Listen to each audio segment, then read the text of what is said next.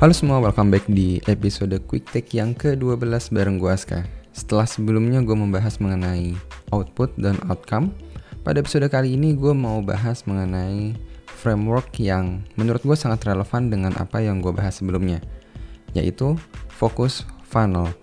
Kata kunci dari focus funnel ini adalah significance. Dan di episode kali ini gue akan share pandangan gue mengapa framework ini menurut gue sangat powerful. Jadi pertama kali gue lihat framework ini itu dari salah satu TED Talk yang gue lihat di YouTube. Dan sebenarnya justru TED Talk ini gue lihat setelah gue menyelesaikan podcast episode tentang output versus outcome. Menurut gue secara konsep, framework ini konsisten dengan konsep outcome yang sebelumnya gue bahas. Tapi sebelum gue mau bahas lebih detail tentang framework focus funnel ini, gue mau share sedikit background tentang Rory Vaden yaitu orang yang menciptakan framework ini. Ya harapannya supaya teman-teman bisa memiliki konteks yang lebih baik mengapa dia bisa sampai menciptakan framework focus funnel ini. Jadi Rory Vaden sendiri sebenarnya adalah seorang personal brand consultant dan juga seorang public speaker. Basically pekerjaannya membuat seseorang memiliki brand yang kuat di sosial media. Dan di salah satu webinarnya, Rory mengatakan hubungan antara brand dan productivity itu adalah reputasi seseorang sangat dipengaruhi oleh result atau hasil kerja yang dia lakukan. Artinya, untuk seseorang mendapatkan hasil yang signifikan pasti dipengaruhi oleh produktivitas orang tersebut. Rory melihat banyak sekali klien dia yang sibuk dan fokus pada hal yang salah, yaitu efisiensi, prioritas, dan business, di mana kesibukan mereka sebenarnya tidak relevan dengan brand yang mau dibangun. Sebagai personal brand builder, buat Rory, task yang memiliki outcome yang terbaik adalah task yang signifikan dalam jangka panjang. Itulah mengapa dia jadi mendalami produktivitas dan menciptakan focus funnel ini. Untuk bisa memahami background dari focus funnel ini, gue sih sangat menyarankan supaya mungkin setelah dengar podcast ini teman-teman cek dan nonton TED Talk-nya Rory.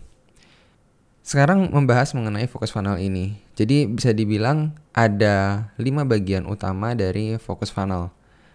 Uh, yang pertama kalau teman-teman cek di artwork pada podcast kali ini, filter yang paling atas atau filter pertama adalah eliminate.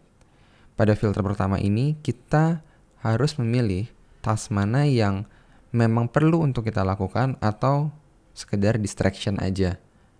Dan menurut Rory, menjadi produktif itu bersifat emosional, bukan logical.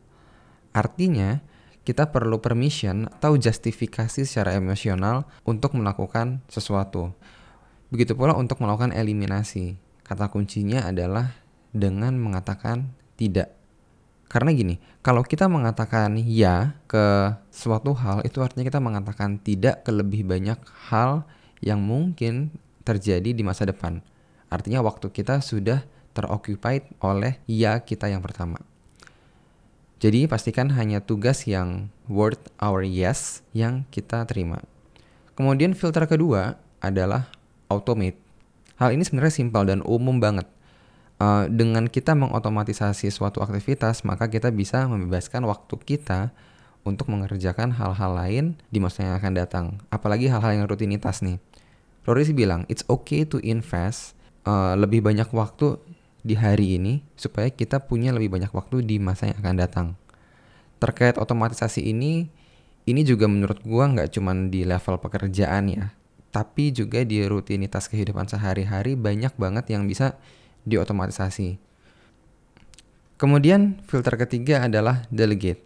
Hal ini juga sebenarnya umum dan ya straightforward ya. Tapi gue mau kasih personal comment aja untuk hal yang ini. Untuk teman-teman yang sekarang memang sudah memimpin suatu tim atau punya direct report, tentu ini lebih make sense. Nah, pertanyaannya untuk kalian yang saat ini individual kontributor, delegasi sepertinya menjadi sesuatu yang kurang realistis. Kebetulan gue sendiri saat ini pun adalah individual kontributor. Tapi ingat, yang pertama, productivity itu bukan sekedar di pekerjaan kita. Rutinitas di rumah pun sebenarnya bisa kita delegate, caranya dengan mengoutsource. Hal inilah yang kadang orang suka ngelupain. Bahkan untuk seorang individual kontributor pun bukan tidak mungkin melakukan delegasi itu ke tim lain atau ke orang lain karena delegasi itu tidak harus selalu antara atasan dan bawahan. Akhirnya setelah kita melakukan filter tadi, kita mengeliminasi, kita mengotomatisasi dan melakukan delegasi, tinggal tersisa tugas-tugas yang memang harus kita kerjakan sendiri. Basically di dua bagian terakhir ini adalah menurut gue seperti ya mirip-mirip kayak urgent and importance ya.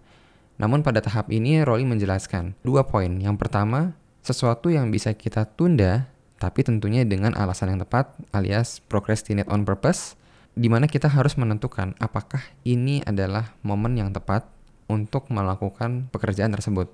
Bila tidak, maka kita bisa pending dan kita evaluasi lagi di masa yang akan datang. Bila sekarang saat yang tepat, maka kita harus konsentrasi untuk melakukan pekerjaan tersebut. Nah, pada bagian concentrate ini, Yorori mengatakan bahwa kita harus memilih satu aktivitas yang paling signifikan yang bisa kita lakukan saat ini jadi di antara semua tugas tadi ya yang setelah difilter, kita harus milih satu aktivitas yang mau kita lakukan. Well, framework ini menurut gua sangat powerful untuk membantu kita fokus ke outcome karena ide dari significance ini sendiri gua rasa juga mungkin lebih meaningful dibandingkan sekedar outcome. Uh, dengan fokus pada significance, artinya kita memilih satu outcome yang paling memberikan dampak. Bukan sekedar bagaimana outcome yang ada di dampaknya, tapi nggak signifikan. Kemudian, fokus funnel ini kan bentuknya framework ya. Uh, jadi, di mana nih kita bisa mengimplementasikan framework ini?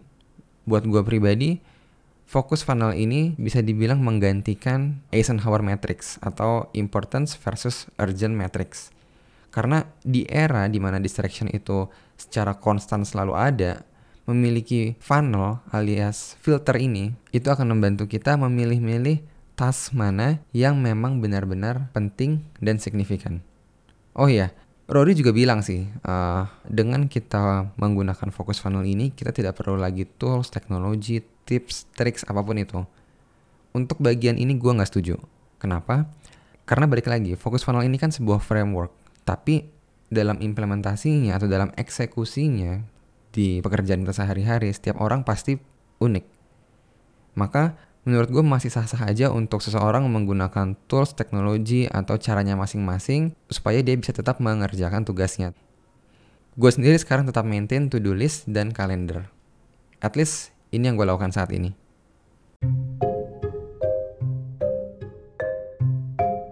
Jadi kesimpulannya fokus funnel bisa menjadi framework yang kita gunakan untuk memilah task atau aktivitas atau tugas mana yang paling signifikan yang sesuai dengan prioritas hidup kita. Menurut gue fokus funnel ini powerful karena mempertimbangkan faktor distraction yang saat ini sangat relevan apalagi di era digital teknologi seperti saat ini. Berbeda dengan masa lalu di mana distraction serta batasan antara pekerjaan dan kehidupan pribadi itu cukup jelas, di masa modern seperti ini batasan tersebut semakin hilang, alias menuju work-life integration. Bahkan di dalam kehidupan pribadi pun tidak jarang kita dihadapkan pada banyak distraction. Fokus funnel bisa membantu kita menentukan aktivitas mana yang paling signifikan pada setiap momen kita. So itu aja yang bisa gue share di podcast kali ini. Semoga bisa bermanfaat. See you di podcast selanjutnya.